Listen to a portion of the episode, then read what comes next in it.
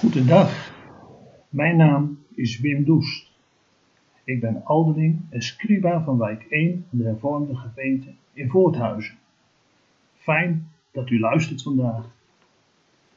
Ik wil het vandaag met u hebben over vertrouwen. Ik las onlangs Psalm 125, met name het eerste vers. Wie op de Heere vertrouwen, zijn als de berg Sion, die niet wankelt maar voor eeuwig blijft. Dat is een geweldige zekerheid. Nog een keer.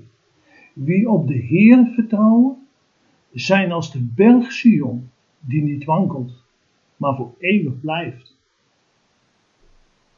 Wat wordt het leven daar gemakkelijker en eenvoudiger door, draaglijker ook. Wat er ook gebeurt in je leven, God heeft jou en uw leven in zijn hand. Vertrouwen op God is niet zo moeilijk als het je voor de wind gaat. Je hebt zelf de touwtjes van je leven in handen.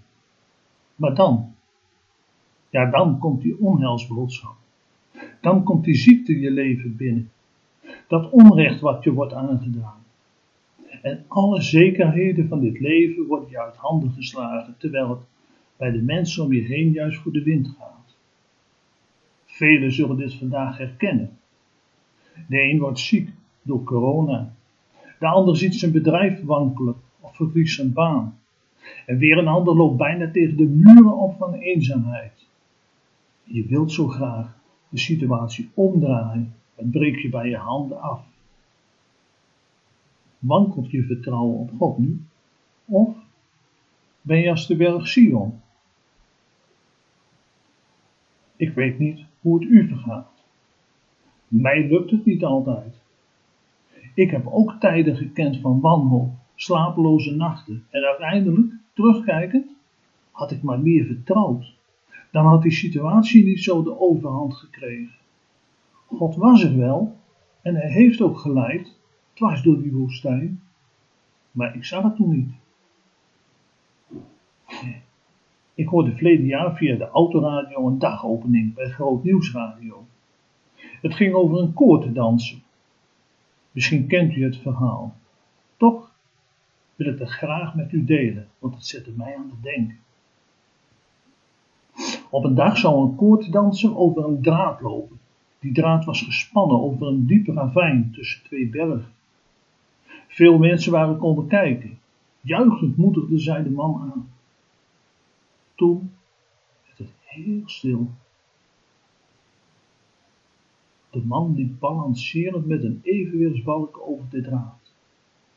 Na vijftig lange seconden stapte hij aan de andere kant van de draad de berg op. Luid applaus klonk. En de man vroeg door de luidspreker: Denkt u dat ik het ook zonder evenwichtsbalk kan? Ja, riepen de mensen, doen, doen, ja! En weer stapte de man op de draad werd weer stil, doodstil. De spanning hing in de lucht. Zijn armen gebruikte hij als evenwichtsbalk en al balancerend bereikte hij de overkant. Weer gejuich, luid applaus, nog luider dan eerst. Door de luidspreker klonk opnieuw de stem van de man. Denkt u ook dat ik het op de fiets kan? Ja, juichte de menigte. Ja, doen, doen. Toen pakte de man een fiets en op de fiets reed hij naar de overkant. De overweldigende stilte ging opnieuw over in langdurig gejuich en applaus. En opnieuw pakte de man de luidspreker en vroeg: Zou ik het ook op de fiets kunnen met een man op mijn schouders? Ja, juichte de menigte, doen! Je kunt het, doen! De man had de luidspreker nog vast, toen de menigte doorhad dat hij nog, nog iets wilde zeggen. Toen hield men even stil. En weer klonk de stem van de man. Goed, dat ga ik doen. Eén van u mag op mijn schouder zitten. Komt u maar. Toen werd het stil. Heel stil. En de een naar de ander droop af. Blijkbaar was het vertrouwen in de man niet groot genoeg om zich aan hem over te geven. Laten we er vandaag eens over nadenken. Hoe groot ons vertrouwen is op de belofte van onze God, voordat we uit volle borst zingen: Ik stel mijn vertrouwen op de Heer, mijn God, want in Zijn hand ligt heel mijn levenslot. Ja, dat is helemaal waar. Heel ons levenslot ligt in Zijn hand. We moeten dan ons levenslot echt in Zijn hand leggen en vertrouwen dat Hij altijd bij ons is, ons leven leidt en door het leven, sterven en opstaan van de Heer Jezus leidt Hij ons door dit leven heen naar het eeuwig vaderhuis.